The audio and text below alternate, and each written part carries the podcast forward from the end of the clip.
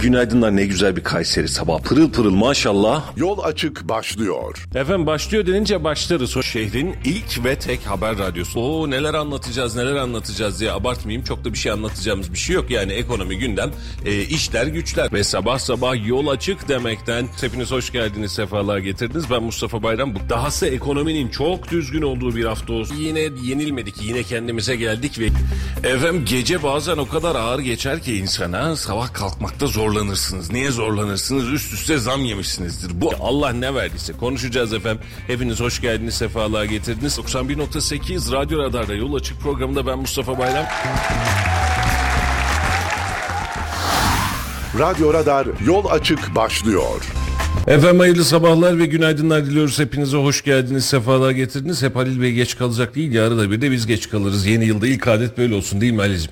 Sana da günaydın. Ahmet Beyciğim günaydın, hoş geldiniz, sefalar getirdiniz. Günaydınlar. Adımız çıkmış 9'a inmezse güzel. Vallahi inerse de ayıp olur artık. Yeni yıla da böyle başlayalım ne yapalım. Efendim yeni yılın ilk yayını dün sizlerle beraber değildik. Bugün itibariyle sizlerle beraber olmanın keyfini yaşıyoruz efendim. Hepiniz hoş geldiniz, sefalar getirdiniz.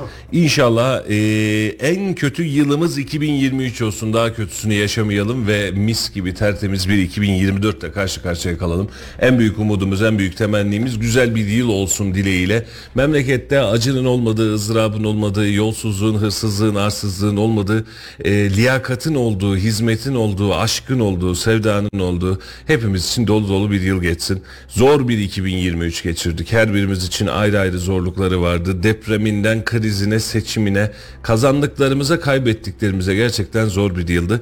Deseniz ki sizde hangi yıl kolay geçti ki acaba diye geçtiğimiz 42-43 yılı hesap ettiğimde bende daha kolay geçen herhalde e, ya çok da güzel dediğimiz çocukluk gençlik yıllarını geçersek yok. Ahmet Bey sizde var mı? En yaşlımız sizsiniz onun için size sordum önce. Ya 50 yıllık e, hayat tecrübemle konuşmak istiyorum. sır ya adam çınar resmen. Buyurun. Ya zor yıllarımız oldu tabii. Yani 2023 yılı en kötü yılımız deme şansımız yok. Çünkü pandemi yaşadık. Daha öncesinde de krizler yaşadık.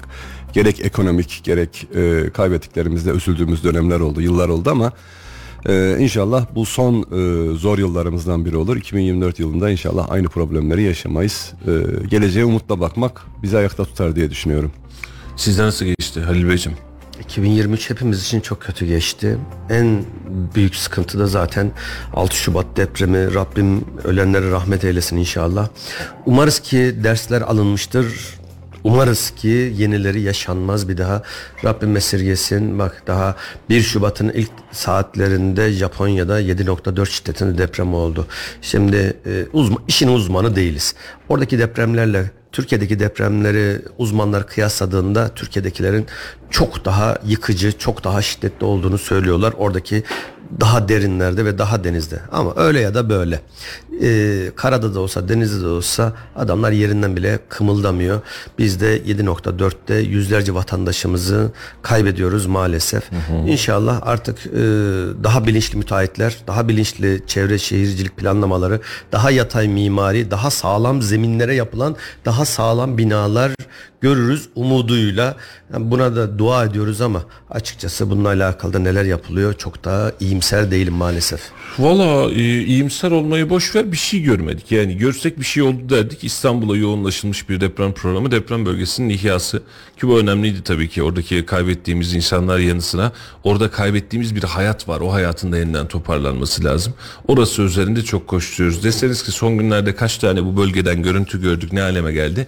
Basının da medyanın da bizlerin de o yakın ilişkisi bir miktar bu anlamda azaldı. 6 Şubat yaklaşırken bu kısmı belki de hızlandıracağız. Ne oluyor acaba filan diyeceğiz. Ee, ama 6 Şubat öncesinde e, son 2 ay 3 ay hesap ettiğimizde kaç sefer Maraş'ta, Antep'te, Hatay'da neler oluyor diye baktık diye de kendimiz de sorgulamamız lazım. İnşallah bir daha yaşamayız ama inşallah bir daha her birimiz için güzel bir dönem olur. Ee, para piyasasıyla ufak bir başlayalım. Gündem maddelerimize doğru da geçelim istiyorum. İzninizle yıl sonundan bu tarafa, yıl başından bu tarafa neler neler oldu memlekette bakalım.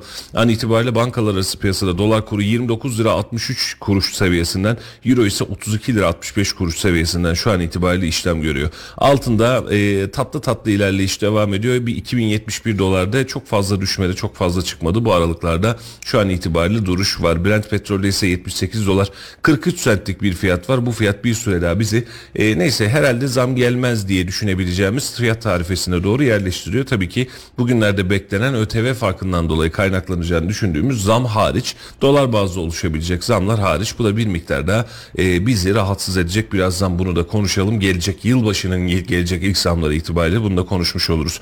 Serbest piyasada gram altın şu an itibariyle 2060 liradan bir çeyrek altın ise 3375 liradan satışa sunuluyor.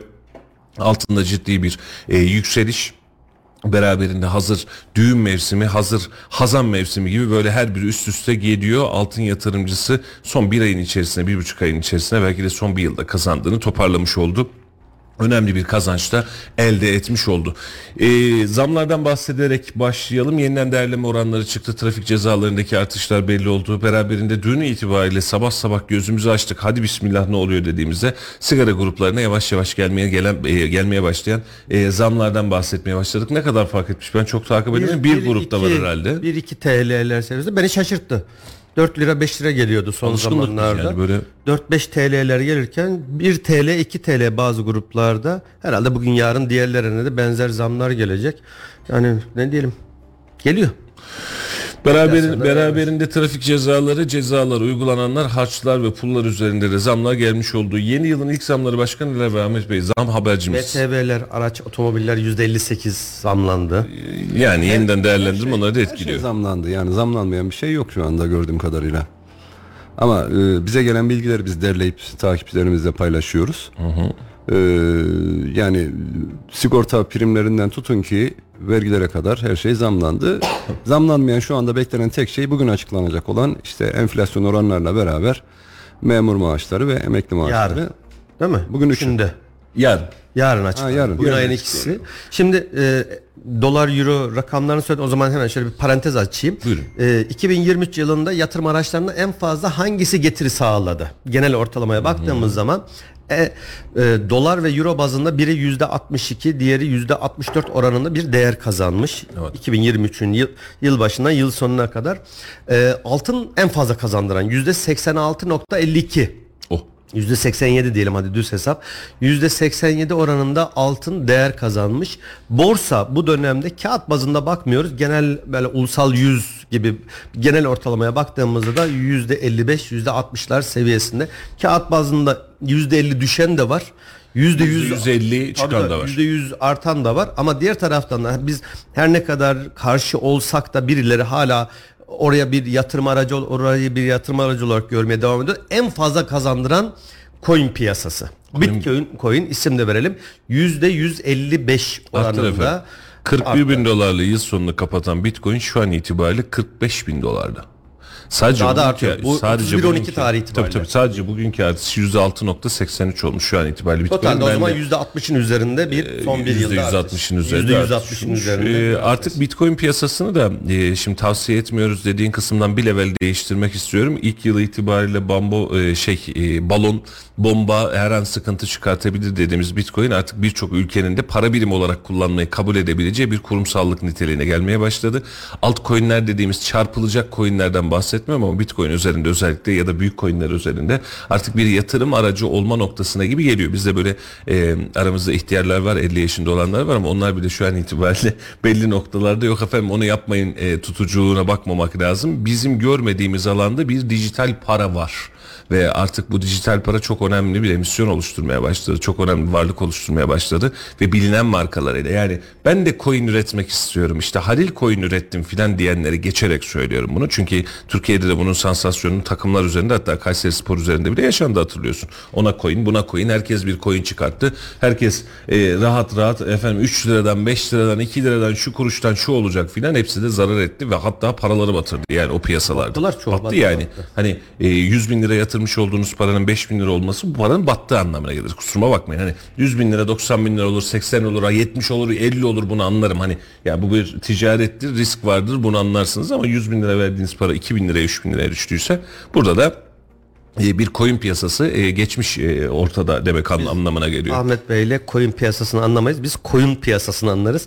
Koyun üretmek yerine koyun üretmek Onu- daha mantıklı onu- değil mi onu- Ahmet onu- Bey? Yok efendim o da mantıklı değil. Siz tam koyun ürettim dersiniz. Devlet şuradan bir karar çıkartır. Et fiyatlarını ben der et süt kurumundan şu fiyattan çıkacağım. Yurt dışından da gerekirse hayvan getireceğim der. 200-250 liraya sattığınız eti 150 liraya elinize verirler. Siz de o fiyattan satmak zorunda kalırsınız. Devletin dahil olmadığı, manipüle etmediği, tekelleştirme yapmadığı, ben bu fiyata satamazsın demediği her türlü piyasa şu an cazip piyasa. Var mı öyle bir şey? Ee, mesela otomotivde artık devlet var masada. Ben diyor işte Ona da e, müdahale geçtiğimiz gün tabii tabii Mahmut Gürcan'la da yaptığımız yayında bakan yardımcısıyla Ticaret Bakan Yardımcısıyla yaptığımız yayında da aynısını konuştuk. Önemli düzenlemeler yaptı ve oradaki o karlılık bir anda öldü.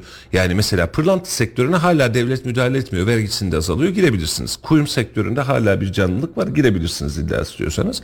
Büyük sektörler diyebileceğimiz paranın çok döndüğü sektörlerde devlet e, bu anlamda çok dahil olmuyor ama e, son kullanıcıya yönelik böyle yüz binlerce milyonlarca insan aynı anda müdahale etmeye ya da hareket etmeye çalışıyorsa devlet ya bu kadar bu kadar kalabalık var ben şuraya bir sesleneyim der ya siyasetçi kahveye gidince konuşma yapar ya devletin de vergi alanı burada çok kalabalık var ben şuradan bir vergi sıyırayım diye düşünebiliyor. Onun için koyun piyasası çok rahat değil. Coin piyasası şu an birazcık rahat. Ee, onu da e, dediğim gibi doğru yatırımlarla, doğru adımlarla hani şunu diyebilir vatandaşlar efendim 68 bin dolara buldu, 45 bin dolara düşmüş zarar etti diyebilirsiniz. Ama onun da başlangıcı 1 dolardı.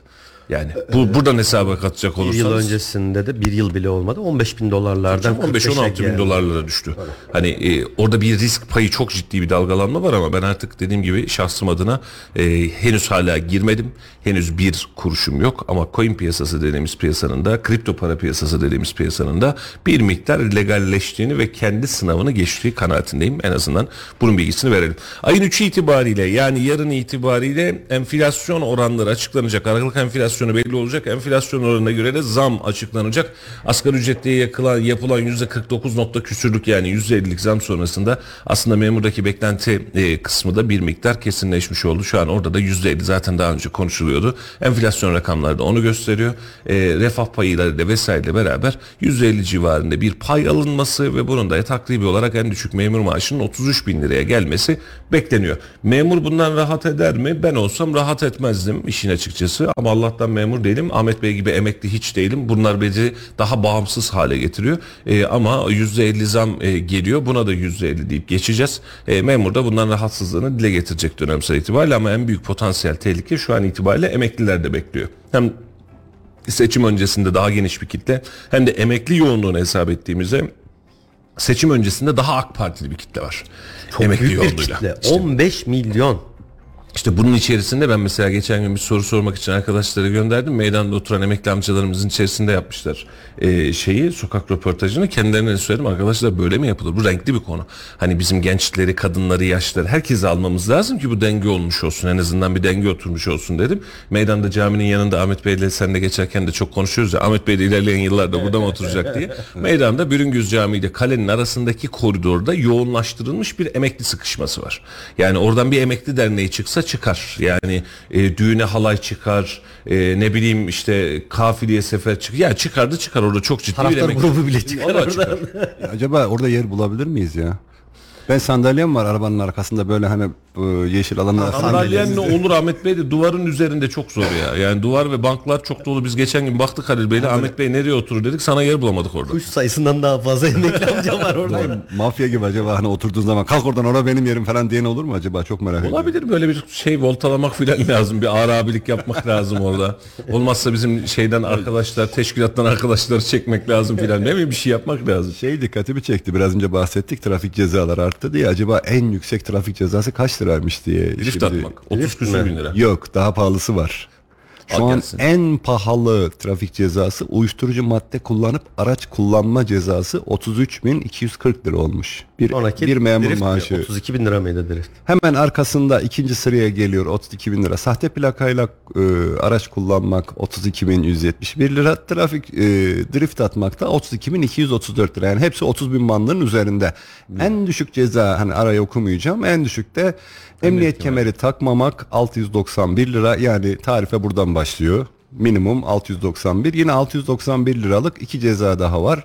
Takip mesafesine uymamak derler ya tampona dayadı geliyor diye hani tampon tampona gitmek ve trafik sigortası olmadan sigorta yaptırmamakta 691 lira 2024 cezaları. Valla e, cezalar konusunda herhalde hepimiz hem fikiriz. E, çok Daha da pahalı. iki katına çıkar. Problem değil. E, yani şöyle problem değil. Tabii ki problem. Yani radardan ceza yiyince o gün mesela şeyde e, tam böyle şeyden çıkıyoruz. Benzinlikten çıkıyoruz uzun yolda. Böyle tam lamba böyle dönüyor gibi ya bari şu ortadaki ışıkta duralım. Hani sıkıntı olmasın dedim. Bir baktım arkadan iki tane flash patlattı. Oh dedim geliyor hatıra fotoğrafı bize. Yani arada bir biz de düşüyoruz ama e, şu anlamda kesin e, işin ucunda canın olduğu yerde e, insan sağlığının olduğu, insan canının olduğu bir yerde, e, maddi manevi kazaların olduğu bir yerde trafik cezaları daha da fazla artmış. Valla arttırın efendim. Yani e, çünkü bana saygı, sana saygı. Oradaki tek e, sıkıntılandığım madde şu. Uyuşturucu madde etkisinde araç kullanmak dediğimiz şeyi alkol metreler ölçmüyor. Yani üfleyerek ölçtürebileceğim bir hadise değil. Vatandaşın durumundan anlayıp polisin adli tıpa yani hastaneye vatandaşı temin etmesi lazım. Var mı çıktı mı bilmiyorum. Yani böyle bu uyuşturucu tespit cihazı çıktı mı bilmiyorum ama e, en büyük ceza ve en zorlu ceza da o. Onu artık böyle uyuşturucu madde etkisinde uyuyakalmış vesaire olmuş bir insan üzerinden belki de konuşabileceğiz. Uyuyakaldıysa da ben zaten arabayı sürmüyordum dese yapacak da bir şey yok herhalde mi? Yani geldim ben burada yattım dese orada da birazcık elimiz ayağımız kesiyor. En yükseği o ama çok da rahat bir alan değil. Aktif olarak da e, trafiğin içindeyse, kullanıyorsa tamamen kendini kaybetmedi ama uyuşturucu etkisinde Allah esirgesin olmaz inşallah ama e, bir kazaya sebebiyet verdiyse de yani artık bunu böyle sadece basit bir trafik kazası olarak değerlendirmemek lazım ya. Direkt teamüden e, adam öldürmeye teşebbüsten yargılanmaları gerekir bu tarz kişiler kim olursa olsun. Daha da cezaların artması lazım. hele hele alkollü araç kullanmak eskiden bundan 20-30 sene öncesine kadar alkollü araç kullananlar trafik kazası yaptığı zaman böyle bir güvenlik eğer ölümlü bir kazaya karıştıysa güvenlik nedeniyle yaklaşık bir ay kadar bir e, hapis cezasına çarptırılır ki ölen ailenin etrafı kan davasına dönüştürmesin diye sonrasında da salı verilir işte para cezası bilmem ne. Alkollü araç kullanmak artık tamamen bil, O kademeli gidiyor zaten. bilerek tasarlayarak ve isteyerek adam öldürmeye teşebbüsten yargılanmaları gerekir diye düşünüyorum. Çok daha ağır. Şimdi biraz daha ağırlaştırdılar ama hala Şimdi yetersiz. en çok bence. rastladığımız Halil'cim e, trafikte cep telefonu kullanmak çok fazla rastladığımız bir konu.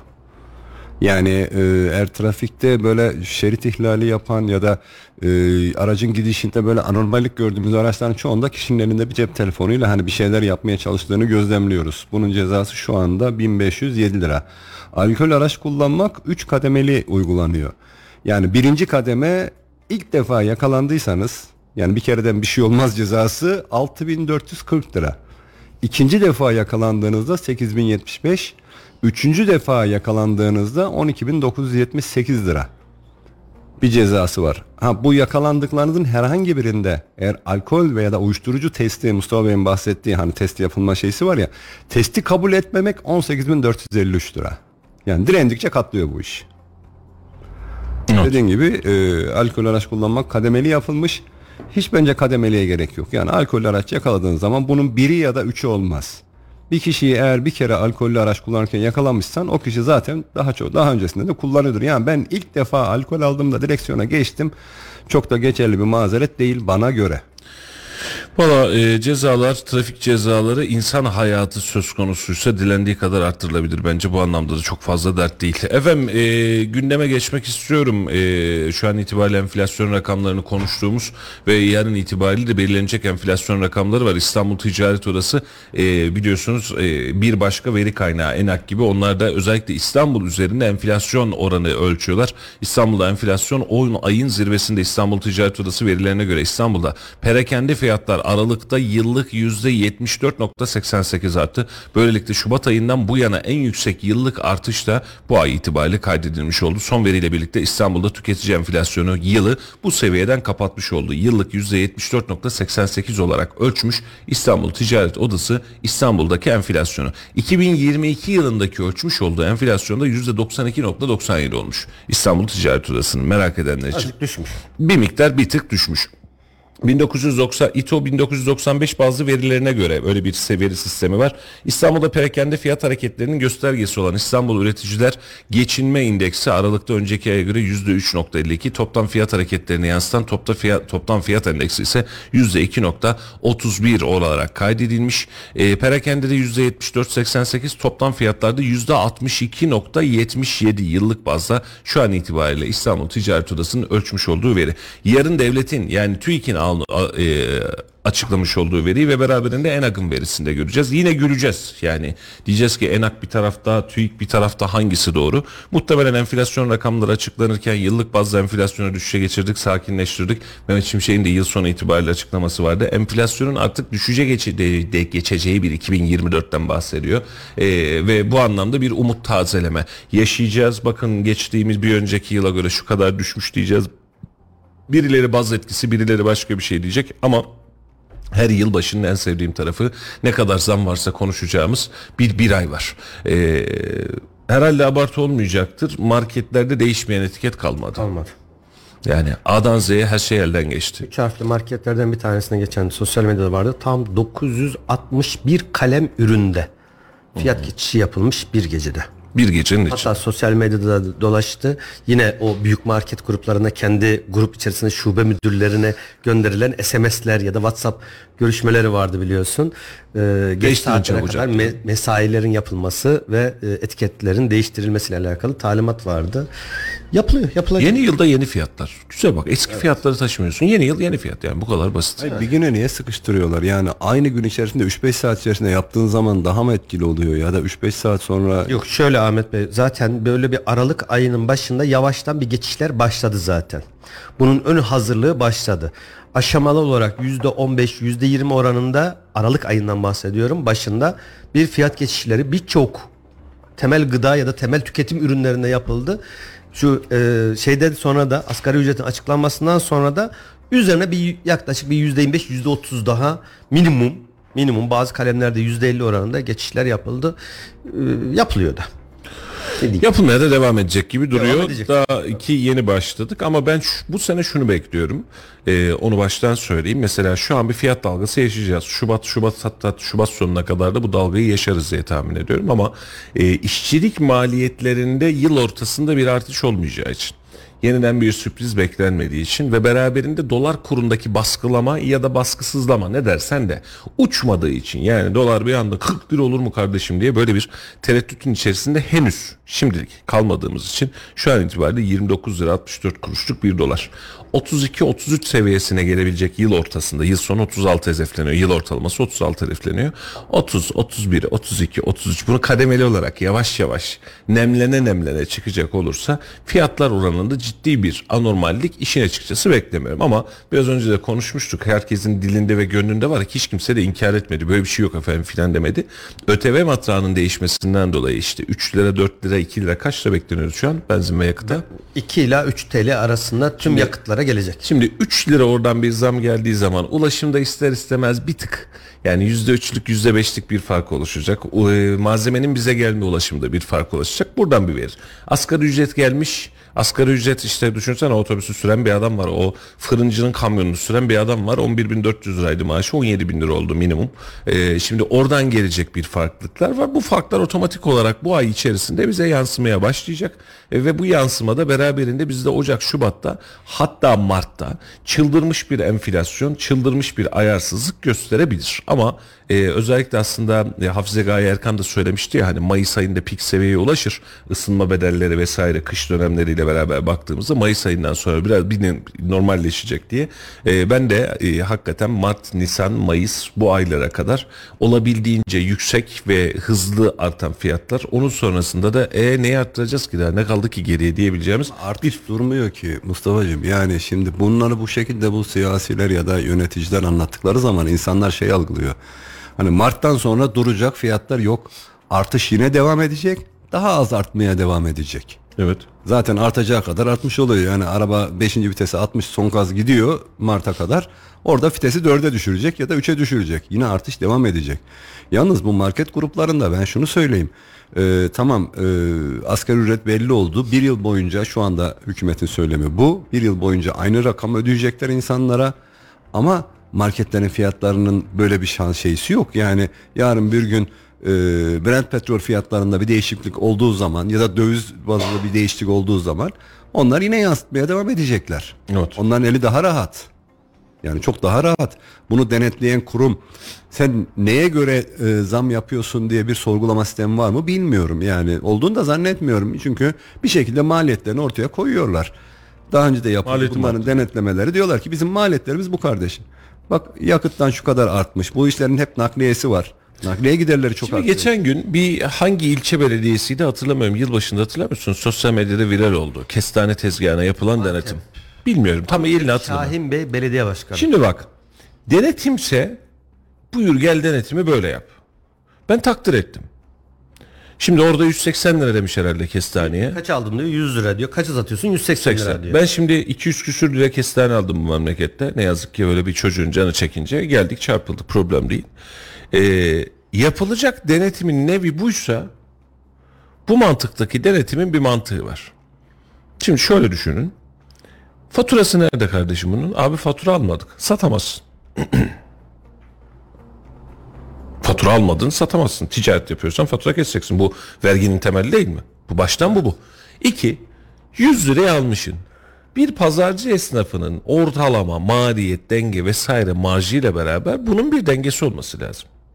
Şimdi 100 liraya aldığınız ürünü yılbaşı diye 200 liraya satıyorsanız bence bu işte bir anormallik var. O zaman serbest piyasadan çıkıyor. Kabul ediyorum da Ahmet Bey. Bak 100 liraya aldığın ürünü 200 liraya satıyorsan ya serbest piyasa modelinde sen buna bir limit ya da fahiş fiyat dengesi koyacaksın. Olmuyor mu? Yapamıyor musun serbest piyasa ekonomisi sebebiyle? Olur. Belediyelerin ekmek sattığı yer dahil olmak üzere var ya. Devlet olarak bu sadece belediye üzerine bakma. Devlet olarak onu 100 liraya alacaksın. Satılması gereken fiyat ne kardeşim? 130 lira misal. 130 kar bu iş için kafi diye düşünüyorsun. 130 liraya pazara sunacaksın. Piyasayı sen dengeleyeceksin. Bak şimdi biz bunu ekmekte yapıyor muyuz? Yapıyoruz. Ekmekte fiyatı kim belirliyor sevgili dostlar? Ticaret odası, fırıncılar odası, valilik, belediye bunlar hepsi beraber bir araya geliyor doğru mu? Bir ekmek fiyatı belirliyor. Şu an ekmeği serbest bırakırsan 10 liraya ekmek yiyebilir misin? Zor yersin. Ama diyorsun ki fiyat bu olacak diyorsun. Bir tarife koyuyorsun. Buna, buna doğrudan müdahale edemedikleri için senin bahsettiğin şeyde devlet buna Alternatif müdahale ediyor. O zaman ne oluyor? Devlet marketler kurdular. Tabii. Dev- devlet esnaflık yapıyor. Şimdi devlet e, o bahsediliyor ya muasır medeniyetlerde devlet esnaflık yapar mı? Ekmek satar mı? İşte marketçilik yapar mı? Yapması mı gerekiyor? Hangisi doğru? Devlet bence sadece denetleyici konumda olmalı. Ticareti insanlara bırakmalı. Devlet bunları doğru denetlemeli. Doğru denetleyemediği için onların karşısına rakip olarak çıkıyor. Böyle bir çok saçma sapan bir şeyle ortaya Şimdi çıkıyor. serbest piyasa ekonomisinde biraz önce sen dedin ya eskisi eskiden olduğu gibi şu marjda yapacaksın diyemiyor. Şimdi adam hiç kimsede olmayan bir ürün getirmiş yurt dışından. Adamın ürün aldığı fiyat 1 dolar. Adam tutuyor 50 dolara satıyor. Distribütörlüğünü almış, bayisini almış vesaire yapmış. Böyle bir marjlı ürün. Bir şey diyemiyorsun adama. Diyor ki ben bu fiyatı satıyorum. İstemeyen almasın diyor. Kesiyor atıyor. Ekonomi modelin buna getiriyor. Ama bak e, bizim kooperatif marketlerimiz var mı? Zamanında kurduk. E, neydi o meşhur? Tanzim marketler grubu vardı değil mi? Mesela tanzim mağazaları açılacak diye. Bunu kriz döneminde ve pandemi döneminde çok fazla konuşmuştuk. Ne oldu iş? Yalan oldu. Tanzim manavları, tanzim marketleri kuracaktık. Yalan oldu. Konuşmadık mı bunları? Kapısında sıralar olacaktı, şu olacaktı. Meydanlarda arabalarla vesaire piyasa düzenlemeyi, soğan, patates satacağız diye millete yaptık şovumuzu. Kim hatırlıyor? Hiç kimse hatırlamıyor. Şu an kooperatif market diyorsun, ucuzluya gidiyorsun. Ahmet Bey sen şeker almaya vesaire hani ucuzluya gittiğin dönemde itibariyle biliyorsun. Ben bir ucuz bir ürünü göremedim adamlar. Yok yok yok. Yani sen bir de bu şey e, hadisesine girmişsin, kar hadisesine girmişsin. Ben böyle satacağım, ben böyle satacağım 31 diyorsun. Aralık günü yani e, yılbaşı günü ekmek almaya giderken tam karşısında da Papatya Caddesi'nde bir tane açılmış. Dedim hanım yağ istedi buradan alayım dedim. Hatta girmişken de şu meşhur kolaları satıyorlar mı diye bakayım dedim. Satıyorlar evet raflarına koymuşlar. Yani fiyat e, ortalamasını 3 aşağı 5 yukarı e, ev geçindirdiğimiz için birçok markete giriyoruz ve fiyatlar da artık hafızamızda kalıyor. Fiyatlarda öyle ciddi anlamda bir ucuzluk falan yok. Normal oradaki marketlere rekabet eden ya da onlarla beraber aynı fiyatlarda satış yapan bir yer benim gördüğüm kadarıyla. Evet. Üç harflinin beş harflisi oldu. Bir şey olmadı yani. Tabii tabii. Yani Onlar üç harfli ve bunlar tarım market oldu. Tarım. 6-7 harfli neyse. ve kooperatifi hesaplanıyor. Sayın bir arada diye. Ha orada o arada da ona da özellikle geçen gün de haberini yapmıştık. Ee, vatandaşa ele verir talkını kendi yutar salkımı diye meşhur bir hikaye var. Ee, vatandaşa e, bir taraftan e, işte protesto yapalım vesaire yapalım bunun karşısında dik duralım diyen grubun tutup da işte iki ayın içerisinde iki ay oldu. İki ayın içerisinde biz boykottan vazgeçtik yeniden getiriyoruz demesi de başka bir manidar durum. Ee, bunun takipçisi olacağız ve olmalıyız da bunu şunun için söylüyorum. Ben sadece İsrail-Filistin savaşı özelinde değil milli malların yerli ve milli malların kullanılması konusundaki hassasiyeti hep beraber yakalamamız İsrail-Filistin savaşından belki de masada kazanabileceğimiz tek unsur bu. Yani bir savaşta kazanamıyoruz doğru mu? Ee, şeyi durduramıyoruz. İsrail'i durduramıyoruz. Filistin halkının yanında olamıyoruz. Bir şey de yapamıyoruz. Yani dün de mesela İstanbul'da bir yürüyüş yapıldı. Çok tantanısı var. Birazdan onu da konuşalım.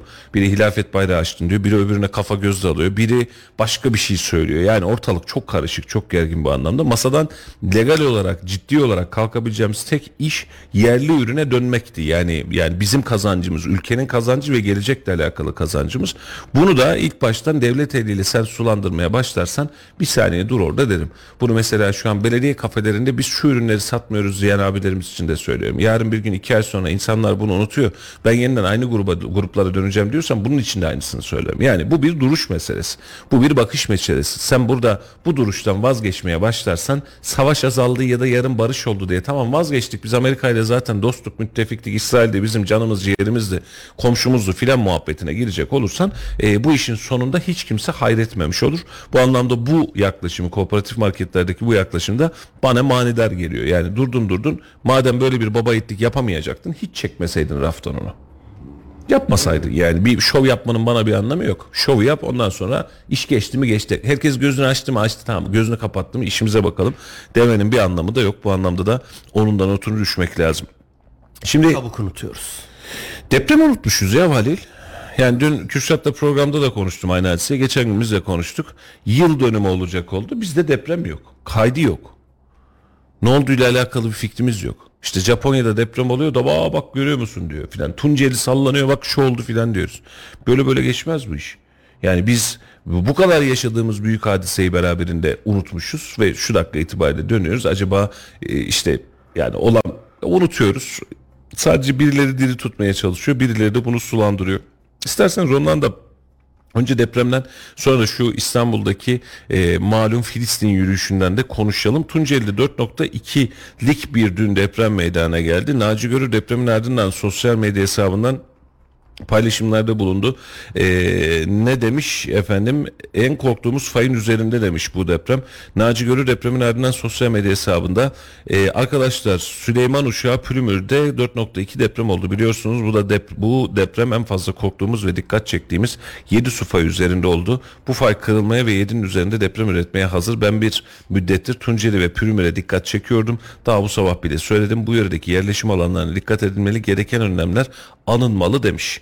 Şimdi Önlem bu adamcağız, ha, bu adamcağız depremin ilk gününden bu tarafa e, bas bas bağırıyor. Kayseri'de bar bar bağırıyor derler hatırlıyor musun? Yani bar bar bağırıyor bu adam. Bak buraya dikkat, bak burada sıkıntı var, bak buranın derdi var diye. Adamı şovmenlikte de suçladık. Korku imparatorluğuyla da suçladık. Ya her şeyde açıklama yapıyor arkadaşlar da suçladık. Ama şu an itibariyle baktığımızda e, burnumuzun dibine gelmiş durumda. Şimdi mesela işi hafifletmek için söylüyoruz ya Japonya'da 7.6'lık deprem işte onlar da derindeydi onlar da çok fazla bir şey olmadı onlar da acaba şu mu oldu filan diye bunu çok fazla konuşuyoruz. Şimdi gelen görüntülere Japonya'dan gelen görüntülere bakıyorsun Ee, yine Kayseri diye söyleyeyim içesine sallanmış. Hani yollar kırılmış, kaldırımlar kalkmış, bir bina yatmış devlet televizyona Kişi göstermiş. ölmüş. Ee, ikiden fazla herhalde. Dört mü dediler, beş mi dediler en son herhalde öyle bir şey hadiseydi. Belki sonra 4 Dört kişiymiş. Allah esirgesin de benzer bir deprem Türkiye'de olsaydı kaç kişi hayatını Şimdi kaybeder? biri öyle bir yorum yazmış bak şimdi dört kişi olan İstanbul'da olsa dört kişi hayatta kalırdı demiş. Söylediğimiz olay. Anladın mı? Şimdi Japonya'dakini şöyle efendim denizden geliyor bildiğiniz gibi değil buranın şiddeti filan diye bugüne kadar hep yani şimdi Maraş depremiyle karşılaştırmıyorum bunu. Yani Maraş depremi başka bir şeydi. Ama adamlar da 7.4 olmuş. Bizdeki 5.5'a denk gelsin. Hadi. Doğru mu? Hani onlar denizin dibinde daha uzakta filan diyorsun ya. Ya adamlar bildiğin salım salım sallanıyor. Ve şimdi bizim coğrafyamızda benzeri depremi düşünüyorsun. Bak dün Tunceli'de yaşanan 4.2 Bir önceki günde Hakkari'de yaşandı. 4.5. yani bak 4.2 4.5 Allah esirgesin 5.5'u geçse bizde ölüm çanları çalıyor. Aynen. 6'yı 7'yi bulunca başımız sağ olsun. Toplu halde kriz ilan ediyoruz. Alanı AFAD'ı filan teslim etmeye çalışıyoruz. İşte 7'yi yaşadığımızda da ne yaşadığımızı gördük. Ve bununla alakalı gerçekten samimiyetle biz kendi yerleşim yerlerimizde, kendi hayatımızda ki keza geçtik.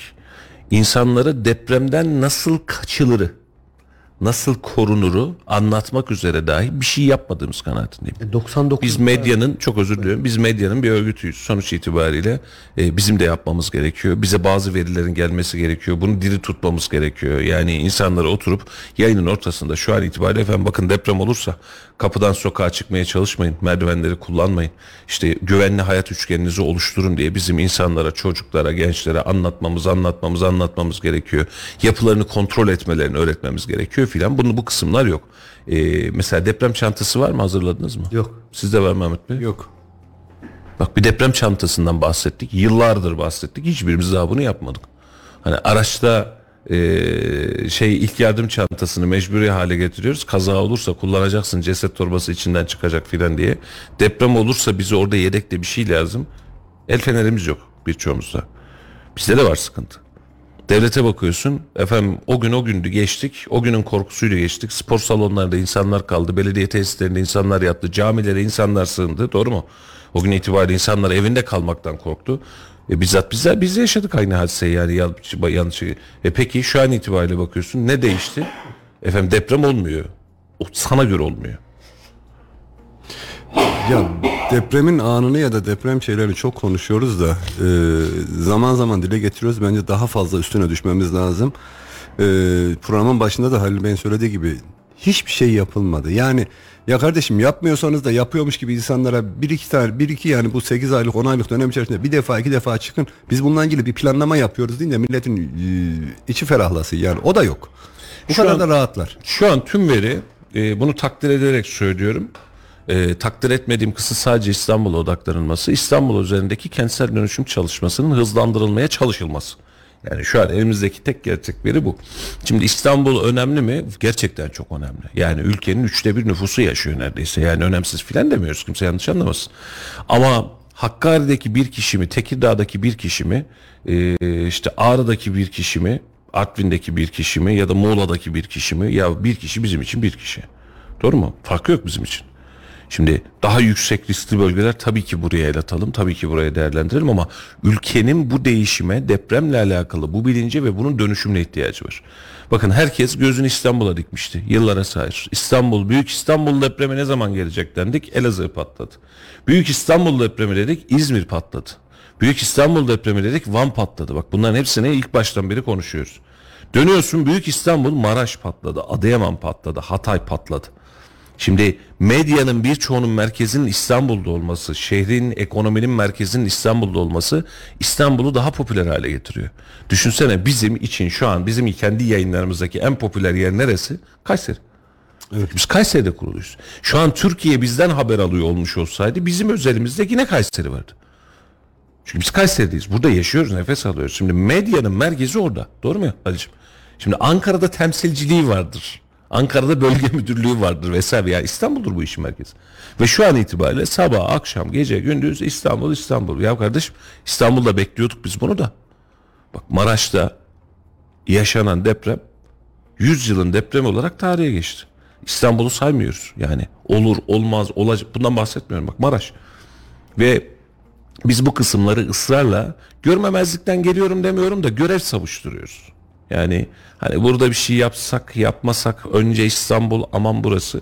Burada da yerel yönetimlere, yereldeki siyasetçilere, yereldeki sivil toplum örgütlerine ciddi anlamda yük düşüyor. Mesela Kayseri Hepsi mim kahramanlık peşinde ya. Yani bir felaket yaşandığında ortaya çıkıp ne kadar kendimi gösteririm ben onu hissediyorum yani kişisel olarak. Şimdi bakıyorum deprem döneminde mesela çok enteresan açıklamaları vardı. Kays Mimarlar Odası'nın, Kayseri Mimarlar Odası'nın.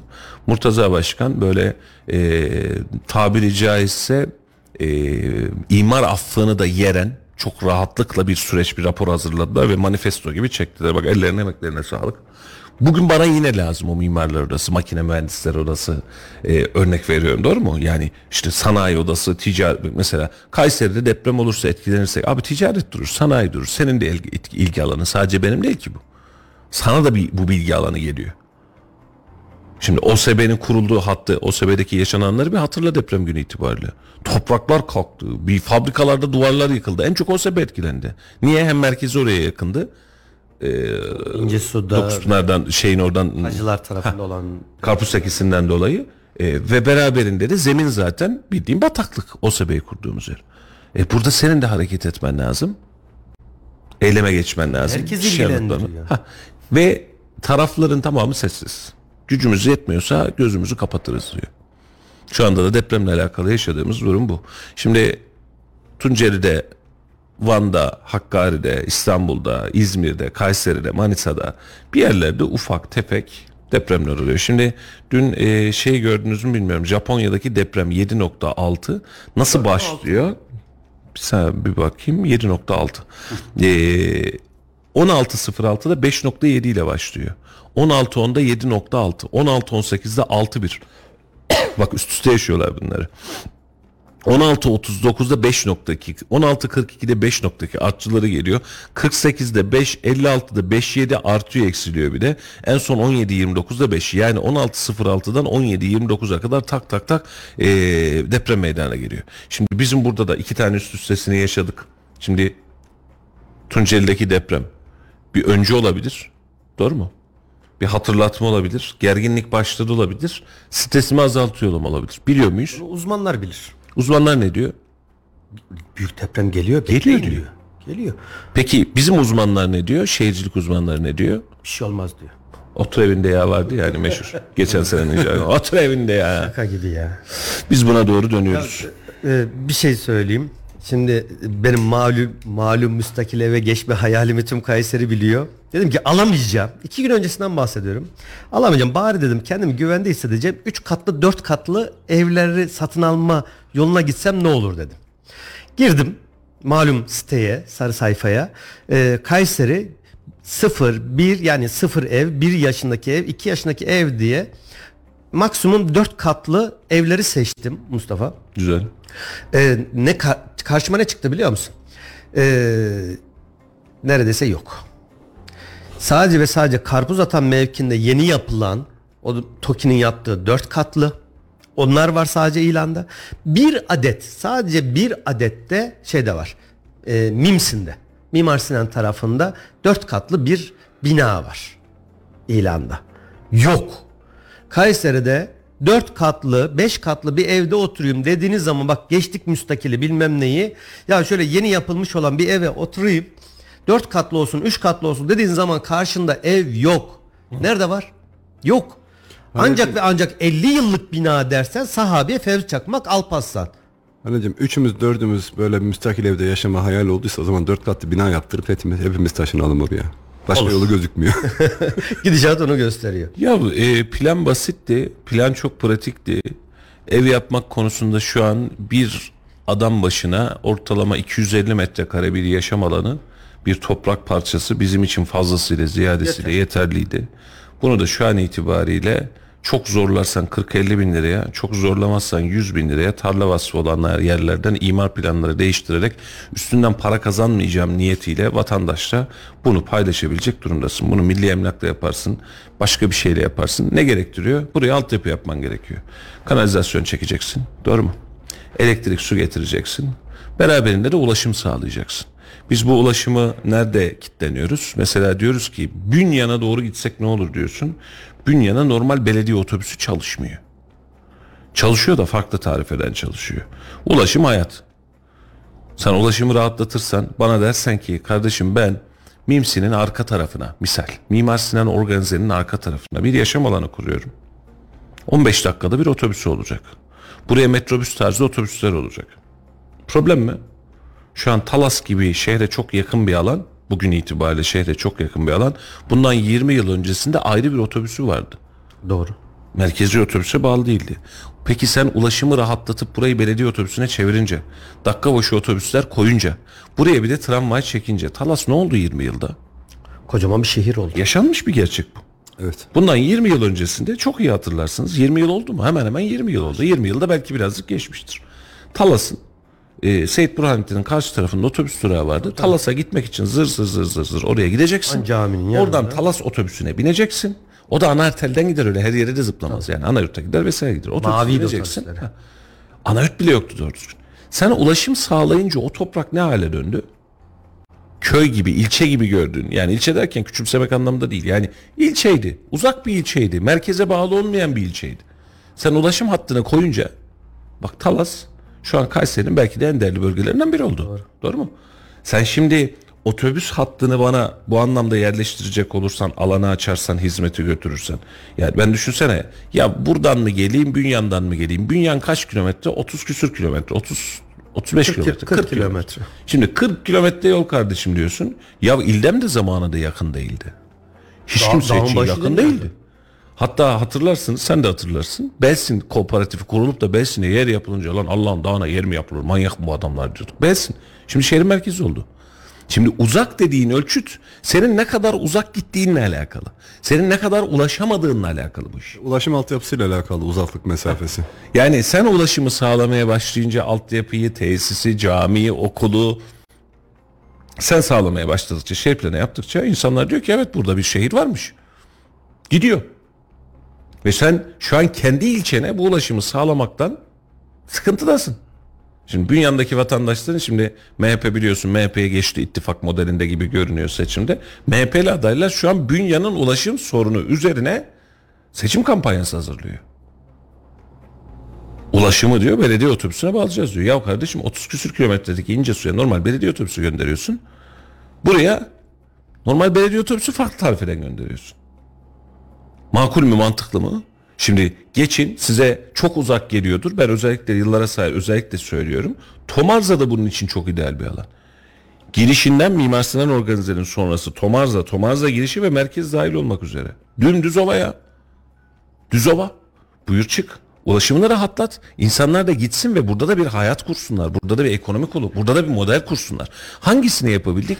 Hiçbirini yapamadık. Birini yapamadık. Peki Ve işte 10-30-50 bin liraya alıp da verebileceğimiz, villa parseli diye verebileceğimiz, buyurun kardeşim gelin siz de burada oturun diyebileceğimiz her işi şu an dağın ardına bıraktık. Merkezi bölgelerde villa parseli satıyoruz. Alır mısınız efendim? Villa parseli. alamıyoruz. İstesek de alamıyoruz ki. Almış başına gitmiş. Yani bugün en uygun diyebileceğin yerler İldem'in işte Gesi tarafı. e, diğer taraftan da Erkilet işte Orhan Gazi, Osman Gazi isimlerini tam bilmiyorum. Ertuğrul Gazi özür dilerim. Mahallesinde yani şöyle bir 700'lük 800'lük bir parsel alayım dediğinde karşına çıkan rakam 2,5-3 milyonlar. E şimdi sen bunu e, imara açtığın zaman böyle tarla vasfını yitirmiş çorak arazi, kayalık, zemini sağlam yerleri biraz daha mesafeli olsa sen burayı imara açsan merkezdeki bu fiyat dengesizliğini de bu e, fırsatçıları da afaki rakamların da önüne geçersin. Bak her zaman ne diyoruz? Arz talep dengesinde bir şeyin azsa ve talebi çoksa fiyatı uçar. E şimdi evler son bir yılda iki katına çıkmadı ama müstakil binalar dört katına çıktı. Evet. Bak iki katı demiyorum dört katına çıktı. 1.700 1.800'ler seviyesindeyken ilde şu an 7 milyon 8 milyonlar konuşuluyor. Bunun yolu ne? Sen im- yeni yerleşim alanlarını imara açacaksın. Hatta istiyorsan bunu belediye eliyle yap. Kooperatif mantığıyla yap. Belirli düzende yap. Gece kondu önleme bölgesi dedik. Zamanında 1994'te Eskişehir bağlarına Kayseri'nin en büyük gece kondu bölgesi oldu. Evet. Güya gece kondu önleme bölgesiydi. Gece kondunun e, sayfası Kralını- yazılacak kralını kral yaptık diyeceksin yani. E, O zaman sen belediye eliyle daha düzgün bir şey yap. Ya bak ne diyorum. Yani sıfır yaşında yeni, bir yaşında, iki yaşında dört katlı bina yok Kayseri'de ya yok. Evet. Ya inanmıyorsanız açın bakın önünüzde internet var ya. Yok internete gerek yok. Halicim, Yok. Şeyin, şimdi TOKİ'nin dışında bir şey gördük mü? Yok. Şimdi dün seninle de mimari? dün seninle de önünden geçtik ya işte e, kentsel dönüşüm sahabiyedeki yerler inşaatlar yeniden başlamış. Uzun uzadıya gidiyor Yirmi şöyle yukarı binalar. doğru gidiyoruz. Rabbime yakın olacağız herhalde. Aşağı doğru mu yukarı doğru mu yakın oluyorduk onu karıştırmışlar. yani biz aşağı doğru yakın oluruz normalde. Topraktan geldik toprağa gideriz. Yükselip Tabii. gidiyoruz. Valla e, işlere güçlere rast gelsin ama birazcık sancılı gidiyoruz. Şimdi e, dünkü yani yayınımızın da sonuna geldik. Onun için birazcık da geç başladık. Bugün hakkınızı helal edin. Dünkü konuşmuş olduğumuz e, Filistin yürüyüşü vardı. Hatta e, pazartesi günü diye açıklanınca Galata Köprüsü'nde kardeşim İstanbul'un trafiğini mi öldüreceksiniz dedim ama dün resmi tatil olduğunu unutmuştum ben. Zamanlama doğru olmuş olmuş yani. Sabah 8.30. Sabah Herkesin 8.30 yattığı bile uyuduğu e, trafik yok hani bu anlamda rahat. Sanırım bir telefon vardı bilgi alalım Evet, onu. evet bir takipçimiz dinleyicimiz e, bir konuya dikkat çekmek istiyor. Alpaslan Mahallesi'nde diyor bir tane bile lisemiz yok. Bir tane Mustafa Eminoğlu lisemiz vardı. Orası da yıkıldı. Alpaslan Mahallesi'nde koskoca mahallede lise, çocuklarımızı göndereceğimiz lise yok diyor. Bunu da gündeme getirmemizi istedi. Biz de e, varsa bu konuda görüşlerinizi Alalım. alalım. mahallesinde Alpaslan Mahallesi'nde lise yok. Melik Sadece vardı Mustafa, Mustafa, Eminoğlu. Eminoğlu vardı. Orada yıkıldı diyor. Hani hastaneler falan bir şeyler var ama diyor çocuklarımızı göndereceğimiz lise yok. Bir mahalle ve lisesi olmuyor. Ve şehrin merkezinde. Nüfusu da çok kalabalık. Evet. Ciddi kalabalık. Yani İlginç. milli eğitim konusunu gerçi çok konuştuk. Yani e, okulla alakalı işte hala ikili eğitim sistemi, tekli eğitim sistemine geçemedik. Geçmesiyle ilgili birçok şey yaptık. Sabahın karanlığında, kör karanlığında çocuklar okula gidiyor. Şimdi Alparslan Mahallesi'nde de eğer lise talebesi ya da bir yere eğer öğrenci gidecekse ne yapacağız? Daha erken çıkacak. Çünkü başka bir mahallede bir okula gitmesi gerekecek. Sonuçta çok bir şey değişmedi. Evet. Ee, ne demiş? Özgür Bey, Sayın Özgür Özer. Sanırım ikinci meclis önce Büyükşehir, iki meclis önce Büyükşehir Belediyesi'nde İncesu Toki'de İncesu'da Toki bir konut adası yapacak idi. Burası başta iki katlı yükseltmesini istediler. İtirazlarımıza rağmen kabul edildi. İki katlı olan Toki parsele dört kata çıkarıldı. Ee, CHP Grup Başkan Vekili Kayseri Büyükşehir Belediyesi Meclis Özgür Bey mesaj atmış. Valla Özgür Bey e, dört katlı zemine müsait midir bilmem ama dört katlı şu an bizim için oh çok iyi yani. Razıyız. Çok iyi. Dört kata razıyız. O gün Oruç Reis'te temel atma vardı işte TOKİ ile alakalı yıkmışlar Oruç Reis'i. Karpuz atının karşısına hep geçerken de çok seviyorum. Ufak bir TOKİ var bayılıyorum yani bu kadar sevimli bir yaşam tarzı olamaz. Muhteşem yani. Müthiş. Yani dört kat. Hani ya yeter. Hani yeter. Yeter. Bak şimdi Sahabiye'deyiz biz mesela. Dört kat. Süper. Üç kat. Süper. Yani dört kat yapmışlar. Zemin sulu olduğu için bir kat aşağı doğru inmiş bizim bina doğru mesela. Normalde dört katlı bir bakıyorsun üç buçuk katlı buçuk katlı yani bodrum olarak kullanıyoruz artık. Orayı çökmüş yıllara sahip ama çok ideal. Yani e, asansör olmadan da çıkabilirsin. Acil durumda ufak bir bahçen olabilir. Yaşam alanı olabilir. E, bunları çok önemsiyoruz ama e, dediğim gibi hani burada e, bir katlı, bir buçuk katlı diyebileceğimiz, iki katlı diyebileceğimiz vatandaşa kişisel alan olmuyor mu? Üç katlı alan, arsası uygun alan, inşaat maliyeti uygun bir düzenek konuşturulabilirdi. Evet Filistin yürüyüşünden bahsedip programı kapatmak istiyorum izninizle. E, dün gerçekleştirilen Filistin yürüyüşünü e, birkaç kademede aslında değerlendirmek lazım. Şöyle aynı Kayseri'de yapılan yürüyüş gibi bir format değişikliğine gelildi. Filistin yürüyüşünde. Şehitlerimize rahmet Filistin'e destek etkinliğinde vatandaşlar Galata Köprüsü'nde yürümüşler. Şimdi e, duruşum bu anlamda çok net. Filistin meselesi bizim için milli sınırlardan bir tanesi. Bugün Filistin düşerse yarın sırada Şam. Şam'dan sonra da senin sınırlarını söz konusu edebiliriz. Arz-ı mevcut denilen ve bu insanların yüzyıllardır belki de üzerinde çalışmış olduğu projede onlar sona geldi. Mısır'dan bize ne? Libya'dan bize ne? Ürdün'den bize ne dediğimiz yerlerde burada adam kalmayınca adamın ne kadar rahat at oynattığını hep beraber gördük ve görüştük. Şimdi bununla alakalı bir yürüyüş yapılmasına hiçbir zaman karşı değildik. Hatta ilk yapılan Kayseri'deki eylemi canlı yayında verdik. İkinci yapılan eyleme ilan desteği verdik. Doğru mu? Yani bizim için yapılmasının mahsuru yok. İkinci yapılan eylemden hemen öncesinde gerçekleşen şehit haberleri sebebiyle Kayseri'de organizasyonu yapan abilerimize oturup tek tek akşamın o saatinde görevimizmiş gibi ki öyle bir görev tanımımız yok. Aradık ve rica ettik. Gelin bunu erteleyin ya da şehitlerimize çevirin diyor. Onlar da şehitlerimize rahmet Filistin'e destek yürüyüşüne çevirdiler.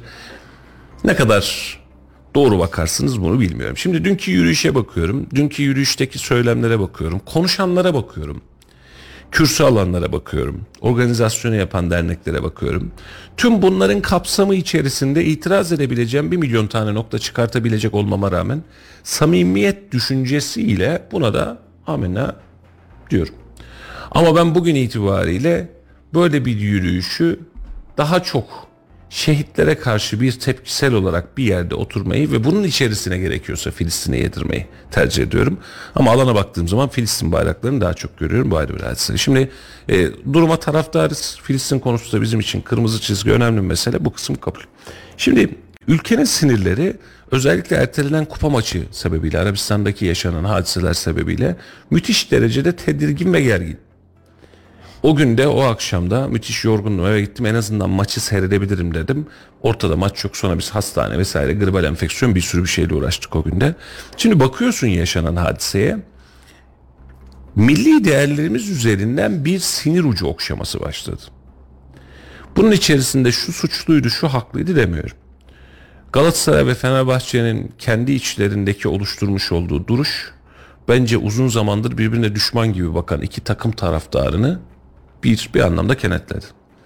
İki, bu aksiyonun hemen ardından Ömer Çelik tarafından gelen AK Parti cenahındaki AK Parti sözcüsü tarafından gelen açıklama da bence bir miktar kenetledi. Bu burada kalmalıydı. Ki kalmalı. Yani bizim hassasiyetlerimiz ölçüsünde bizim böyle bir kararımız var. Bitti. Konu kapandı. Geçmiş olsun. Yani milli anlamda bir şuur elde ediyorsun. Yemişim kupa maçını. Milli maç olduğunda en çok neyine seviniyoruz? Tutkumuza seviniyoruz mi? Yani Galatasaray Fenerbahçe maç yapacaktı. Yapmadan daha fazla insana ulaşmış oldu belki de. Buradan bir gezi çıkar mı? Bu memlekette bu saatten sonra bir gezi çıkmaz. Buna benzer bir uçta çıkmaz. Buna benzer bir akışta çıkmaz. Şimdi dün aynı sahneye bakıyorsun. Görüntüleri seyretme şansın oldu mu o e, hilafet bayrağı açtı diye kavga eden. Şimdi genç bir arkadaş hakikaten o bayrak hilafet bayrağı. Yani üzerinde nedir abi? Kelime-i tevhid. İşte hilafet bayrağı da o zaten. Ee, Buyurun, hilafet anlatın. bayrağı başka, kelime-i tevhid başka. Hilafet bayrağı kenarı işlemelerle süslü, kırmızı, içinde Türk bayrağı ya da böyle hilafeti temsil eden bayraktır. Kelime-i tevhid bayrağı dediğimiz ise başka bir şeydir. Orada la ilahe illallah Muhammeden Resulullah yazan kelime-i tevhid bayrağı. Hilafet bayrağı açmadı. O saldırıya uğrayan arkadaşımız vatandaş diyeyim kimse. Ee, hilafet bayrağı değil açtığı bayrak kelime-i tevhid. Üzerinde biraz önce söylediğim cümle yazılı. Yok üzerinde kelime-i tevhid yazıyor onu biliyoruz zaten de.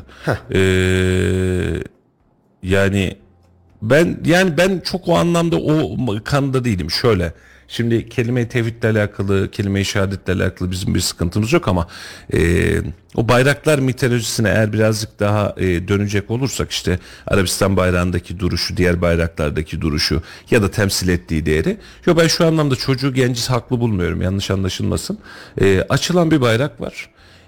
Orada tabiri caizse siyasal uzvu olmayan bir genç. Yani çocuğu gördün, tedirginliğini gördün, oradaki tartışmayı gördün, görüntüleri görmüşsündür. Çocuk şöyle bir genç değil. Yani işte bilmem bir şeyden yönlendirilmiş de anladın mı? Saldırı yaptırılmış denilecek bir, bir çocuk değil ortada. Hem fikir miyiz? Yani çocuk böyle hani bir örgütsel psikolojiyle gitmiyor işin içerisine. Asker emeklisi, rütbeli subay emeklisi babası. Böyle bir çok yani örgütsel e, böyle e, nasıl söyleyeyim işe e, planlanmış provokasyon içersin diye oluşan bir hadise değil ama şiddet eylemi gerçekleşiyor. Bunu asla tasvip etmem. Bak orada ne yaparsa yapsın tasvip etmem. Yani biz illa bunlardan birinin ağzını burnunu kıracaksak Apo bayrağı açanları o zaman istiklalde sürekli dakika başı o eylemlerini falan yapıyorlar ya gidip onların ağzını burnunu kıralım illa bir şey yapacaksak. Buna bile yapmıyorsak polisle denetim burası böyle bir kanun ülkesi kardeşim. Yani e, en fazla tartışılsın bunu bile yaparken bir hakkın yok. Adam özgürlükleriyle gitmiş özgürlükleriyle gelecek. Yapacaksa bunu devlet yapacak. Burada bir olay var. Olayın ardından da gelen açıklamalarla bir zincirleme reaksiyon var. Ben en çok buna takılıyorum. Şimdi çocuk yanlış yapmış. Şahıs bayrağı açarak yanlış doğru tercih meselesi. Ama ne olursa olsun çocuğun yaptığı da bu şiddete yönlendirmek de yanlış. Ama dünden beri açıklamalara ve sosyal medya gündemine bakıyorum. Biz bir yere bileniyoruz. Bizim sinir uçlarımızda bir takım iltihaplar oluşturuluyor. Ve bu iltihaplarda özellikle seçim döneminde ve seçim dönemi sonrasında bizim için önemli ölçüde kullanılacak gibi geliyor. Ve açık söyleyeyim bu ülkenin diniyle alakalı da, milletiyle bayrağıyla alakalı da, Atatürk'e e, olan saygısıyla alakalı, bunu hep söylüyorum sevmek zorunda değil mi saygı duymak zorunda diye, saygısıyla alakalı da bu sinir uçlarına çok fazla müdahale etmemek gerektiği kanaatindeyim. Ve bunu en ufak olaydan alıp kocaman bir deniz derya yapmanın da mantıklı olmadığı kanaatindeyim. Dün akşam baktığım itibariyle tamamen bir yer münferiden gerçekleşmiş. Orada herhalde 20-25 yaşlarında çocuk ancak var. Üniversite öğrencisi Yani 20 20 22 yaşında. Yani bir çocuğun yapmış olduğu bir hata şahsın buna karşı tavrıyla başka bir hata. Onu orada hepsi bir hata. Ya belki Gereksiz. meselenin başlangıcı belki bayrak falan da değil belki, Belki de. miting falan değil. Orada geçerken başka bir mevzudan dolayı atışmışlardır. Herhangi Aynen bir konuda da e, kavga etmiş olabilir de yani. Şu an şu an itibariyle ama açıklamalara bakıyorsun. Olay başka yerlere gidiyor. Olay çok başka bir yere gitti ve buna üzülüyorum. Siyasetçilere de e, sakinlik, itidal davetinde bulunuyorum işin açıkçası. Çünkü mesela üst üste açıklamalar var. Muharrem İnce diyor ki konu Filistin mazlumların yanında olmaksa ben de varım ama kimi, kimse Filistin'in arkasına saklanıp İstanbul'un göbeğinde hilafet çağrısı yaparak Türkiye Cumhuriyeti Devleti'ni yıkmaya teşebbüs edemez. İstanbul'un göbeğinde hilafet çağrısı yapanlar için İçişleri Bakanlığı ve bu ülkenin namuslu savcılarını göreve davet ediyorum. Şimdi biri kürsüden hilafet çağrısı yaptıysa bak izlemedim miting. Biri oturup da 50 kişilik, 100 kişilik, 30 kişilik bir grup gelsin hilafet kahrolsun cumhuriyet filan dediyse Muharrem İnce'ye katılıyorum. Sonuna kadar da katılıyorum. Yani burada hiçbir itirazım yok. Ama bir çocuğun bir başka adamla bayrak tartışması sebebiyle yaşadığı arbede eğer sizler için hilafet çağrısı ise burada bir sıkıntı yok. Ümit Özdağ da demiş ki hilafet istiyoruz diye sokakları karıştıran elemanlar sizin hangi ülkenin istihbarat servisine çalıştığınızı herkes biliyor. Biliyoruz yani hangi kimin nerede e, hangi istihbarat servisine bugüne kadar çalıştığını da biliyoruz ama gerçekten görmediysem yanlışıma verin hatama verin ama dünkü eylem Filistin eylemi o gün Kayseri'de yapıldı bir hilafet çağrısı değildir.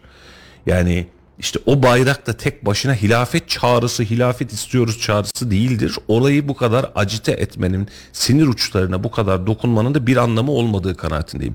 Açıklamayı kim yaparsa yapsın. CHP'nin de zannedersem benzeri bir açıklaması vardı. Şu an itibariyle bulamadım. Şimdi e, yapmayalım bunu. Biz birbirimize bu kadar uç noktalarda değiliz. Ama dediğim gibi bak görmedim. Sen var mı başka bir bilgi? Hilafet çağrısı falan gelmiş mi bizim bilmediğimiz ben bir yere? baktım. Sadece bayrak Dün hadisesi akşam hilafet hem canlı çağrısı. yayınlara baktım. Benim dün işin akşam olan yayın vardı o, o baktım. kaçırdım çünkü arayı. Ee, o miting alanında olan gazetecilerin açıklamalarına baktım. Sonrasında gelişen olaylara baktım. Baya baya bir baktım. Hilafetle alakalı uzaktan yakından alakası olmayan mevzular. Konu tamamen e, Filistin üzerinden Gazze üzerinden gelişen olaylar. Orada vatandaşın bir tanesi de hilafet bayrağı değil e, kelimeyi tevhid bayrağı aşmış. Bunda da en ufak bir sakınca yok. Kaldı ki ben biraz daha farklı düşünüyorum. Hilafet bayrağı olsa ne? Hilafet demek cumhuriyeti yıkmak demek mi? Hilafet demek ne demek?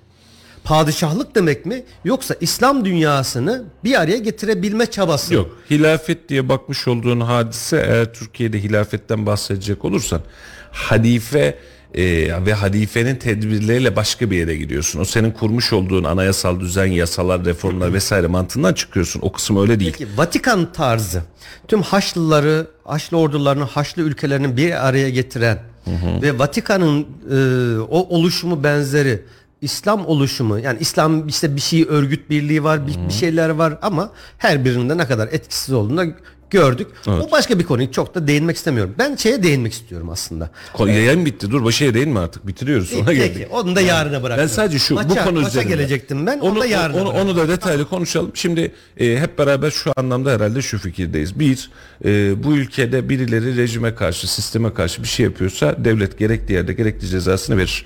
Ama bir kişinin bayrakla alakalı açtığını, açmadığını, sen böyle istedin diye iki kişinin münferiden gerçekleşen bir hadisesini ülkenin gündemine sanki başka bir bir dünya varmış gibi hissettirmenin ayıp olduğu kanaatindeyim. Çok Bunu yanlış. kim yaparsa Çok yapsın. yanlış. Ülkenin birliğe, beraberliğe, dirliğe ihtiyacımız var. Bizim önümüzde deprem gibi, ekonomik veriler gibi, Filistin meselesi gibi, Suriye meselesi gibi, Rus- Terör belası. bizim tonla meselemiz var. Bu meselenin içerisine bize yeni bir macera açmayın. Gelin elimizdeki meseleleri bir toparlayalım.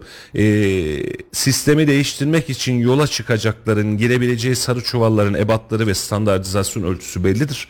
Bu ölçülerin ötesinde de çok fazla herhalde konuşulacak bir nokta yok. Bunun için de herkes durduğu yeri iyi bilsin. Bir şeyi köpürtürken de neye hizmet ettiğimize, bir şeyi tweet atarken bile neye hizmet ettiğimize de dikkat etmek lazım diye düşünüyorum. Sevgili dostlar geç başladık ama telafi ettik. Biraz da geç bitirdik. Hakkınızı helal edin.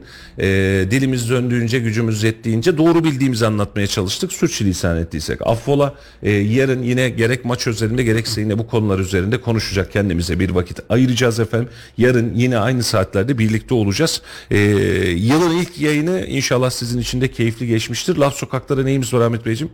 Sizce 2023'ün en önemli olayı neydi diye sorduk vatandaşa. Biz böyle anlatıyoruz ama bakalım vatandaşın gündeminde ne var? Laf Sokak'ta ekibi 2023 yılın, yılının en önemli olaylarını sokağa sormuş. Kayseri sokaklarına sormuş. Onlarla baş başa kalacağız. Onları dinleyeceğiz efendim. Ee, bizden bugünlük bu kadar. Yarın yeni bir yayın, e, yeni yılın ikinci yayını ve güzel yayınlar yapacağımız inşallah bir yıl olsun. Hepinizin de güzel haberler alacağınız, bizim de güzel haber vermeye e, heveslendiğimiz bir yıl olsun inşallah. Yarına kadar kendinize iyi bakın efendim. Yeniden görüşmek üzere. Hoşçakalın. Hoşçakalın. Hoşçakalın. Deprem. Şehitlerimiz 2023'ün en kötü haberlerinden de biriydi. Deprem. Ekonomi, Erdoğan. Deprem, afet. Recep Tayyip Erdoğan'ın tamamı yüzde 85 zam alması. En önemli olay benim için. Bu böyle gitmeyecek. Deprem. şehitlerimizin olması. Ekonomik sıkıntılar. kriz olması, ekonomik bir savaş içinde olmamız. Deprem. Unutamayacağımız üzücü olaylar yaşadık. Sizce 2023'ün en önemli olayı neydi? Deprem. Tabii ki maalesef yaşanan üzücü deprem. Bayağı bir can kaybımız oldu. En üzücü olay o şu anda görünen. İyi bir şey hatırımda kalan yok ya. Güzel bir şey yok maalesef. İnşallah 2024'te daha iyi olur. 2023'te güzel bir şey yaşamadık ya. İlk başta deprem diyebilirim. Maraş depremi. Sadece 2023 için değil önümüzdeki yıllar hatta 10 yıllar içerisinde unutamayacağımız üzücü olaylar yaşadık. Bunu bizzat hani deprem bölgelerinde 45 gün çalışmış biri olarak söylüyorum. Gerçekten çok üzücüydü. Şehitlerimizdi. Son haftada verdiğimiz şehitlerimiz var. 12 şehidimiz ve daha e, nicesi. Hani inşallah 2023'ü hani e, üzücüydü. Şehit verdik ama daha sonrasında inşallah daha şehit vermeyiz. Tabii ki de depremdi. Allah tekrarını yaşatmasın kesinlikle. Ee, çok zor günler geçirdik ki e, 10 gün boyunca tabii deprem bölgesindeydik. Onun haricinde de geri kalan her şey düzeleceğini düşünüyorum. Yani maddi e, sıkıntılar, darlıklar, ekonomi hepsi gelir geçer ama bence en kötüsü depremdi. 2023 olarak e, güzel bir şey yaşadık diyemeyiz tabii ki. En acılı yıllarını yaşadık. Ye- yeni vermiş olduğumuz e, şehitlerimiz 2023'ün en kötü haberlerinden de biriydi yıl sonunda. Ailelerine sabır diliyoruz. 2023'te iyi bir olayımız yoktu maalesef. Deprem. Ya ben bunları şehit olarak sayıyorum ama bir sürü canımız gitti. Tanıdıklarımız da var tabii bunun içinde. 2023'ün en büyük şeyi depremdi. Ülke olarak çok zor geçtik, çok zor dönemlerden geçtik. İnşallah 2024 e, 2023 gibi olmaz. Huzur, bereketli, sağlıklı bir e, yıl geçiririz. Deprem, afet, doğal afetler bence bunlar. 2023'ün olayları bunlar. Başka bir şey yok. Depremler, afetler olunca tüm olan şeyler gitti yani. Güzel olan şeyler gitti ya. Hüzün, acı, keder hep bunlar. 2023 biraz sıkıntılı bir yıl olarak kayıtlara geçti. Recep Tayyip Erdoğan'ın tamamı yüzde 85 zam alması. En önemli olay benim için. Yüzde 85 zam aldı. Günlük 33 milyon lira para harcıyor. Ben emekliyim. Bana 1 lira vermiyor. Başka ne olacak önemli olay? Saraya yazık. Ben de o saraya gidip oturacağım. Günah. Ben emekliyken tamam mı şeyden asgari ücret normal çalışandan fazla maaş alırdım. E, şimdi ben alıyorum tamamı 10 bin lira veya 11 bin lira. Onlar alır 17 bin lira. Beni ezdirmedi mi? Beni paspas yaptı. Ezdirme neymiş? Kendi yaşıyor rahatça kral gibi. 2023'ün en önemli olay. Ya benim için depremdi. O kadar can kaybı falan oldu. Bayağı bir üzüldük. En azından daha iyi bir ülke olabilirdik mesela. Yani millet açısından ama yani şöyle bir çevremize baktığımız zaman aslında e, çok da iyi bir ülke değiliz. Türkiye Türkiye'likten çıktı artık ben öyle söyleyeyim. 2023 kötü geçti ya. Hani batış, depremdir aynen. Yani ekonomi, Erdoğan. Benim için de deprem olayı falan çok üzücü oldu yani. Ondan sonra yani ekonomi de biraz bozuyor işi. Öyle yani aşağıda. İyi giden bir şey olmadı bu sene. Deprem. Deprem bizi kötü etkiledi. Ben de Batmanlıyım. Batman'da biz de kötü yakalandık yani üzüldük. Müzik bölümü okuyorum burada. Müzik bölümünü kazanmam oldu. Onun dışında çok bir şey olmadı yani. 2023'ün en, en önemli olay deprem. Evet 11 ilimizin depremden etkilenmesi, insanımızın can kaybının çok büyük olması. Bir de Filistin devletinin yani çok büyük canlar kaybolması en büyük olaylar benim için bunlardı. İnsanlarımızın ölmemesi için, can kaybımız olmaması için altyapımızın yapılması, binalarımızın gerçekten de iyi ve sağlam bir şekilde yapılması. O çok önemli. Fay hattı üzerinde olan binalarımızın onun üzerine kurulmaması, gereksiz olan o fay hattı üzerindeki binalarımızın e, yıkılıp yerine yeni TOKİ'lerin yaptığı binaların olması bu çok önemli. Benim bence yani önemli olan bu. Beni etkileyen olay şu şehitlerimizin olması ve bir de bu İsrail terörü. Deprem tabii bu en başta. Şehitlerimiz, ekonomik sıkıntılar, çalışıyorsun çalışıyorsun hiçbir şey ifade etmiyor. Ben 27 yıldır çalışıyorum, emekliyim, EYT'den emekli oldum. Şu anda yine çalışmak zorundayım, hala çalışıyorum. Artık bıktım, çalışmak istemiyorum ama çalışmak zorundayım. Hani biz bizi bu duruma mahkum edenler utansın. Artık bir söyleyecek bir şey bulamıyorum. Ha, çıksınlar sokaklara bir insanların görsünler. Herkes yani çoğu insan aç. Ülkemizin durumu hiç iyi değil yani. Hiç iyi değil. Ha, biz bunları hak etmiyoruz. Gençlerimiz bunu hak etmiyor. Yani benim 27 yıllık çalışmamın emeğimin karşılığı bu mu olacak? Yani ne, ne bir evim var, ne bir malım var, hiçbir şeyim yok. Hiç ne bir birikimim var. Ancak bankalara borcum var. Ezdirmediler çok şükür. Allah razı olsun. Bir 5 lirayı bile layık görmediler. Rahat hayat yaşayan tek kişi meclistekiler. Yani kendi paralarını kendileri kendi giderlerine göre harcıyorlar. Kendileri en güzel hayatı yaşıyor. Emekliye gelince sanki kendilerinin cebinden para çıkıyor gibi onu böyle ne bileyim ölçüyorlar, tartıyorlar, biçiyorlar. Emekliye veyahut da vatandaşa vereceği paradan çok korkuyorlar. Yani ne bileyim kendi mallarını satıyorlar da bir şey oluyor gibi. Benden aldığım parayı bana geri vermek zorundasın. Vergiden bilmem neyden ben rahat yaşamam için değil mi? 7500 lirayla kendilerine vereyim. 7500 lirayı bir günlük çerez paraları etmez. Bunu yani akıllarım idrak etmiyorum hepsi ne diyor. Bu böyle gitmeyecek.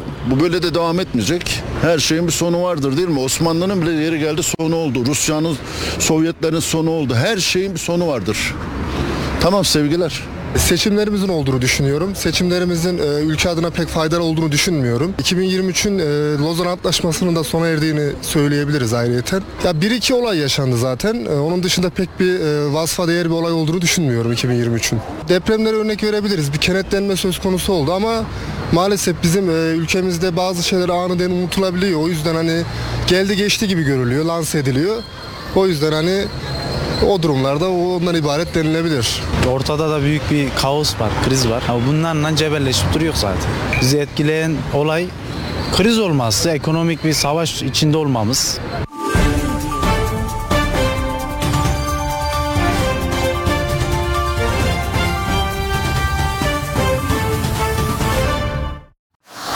Radyo Radar yol açık sona erdi.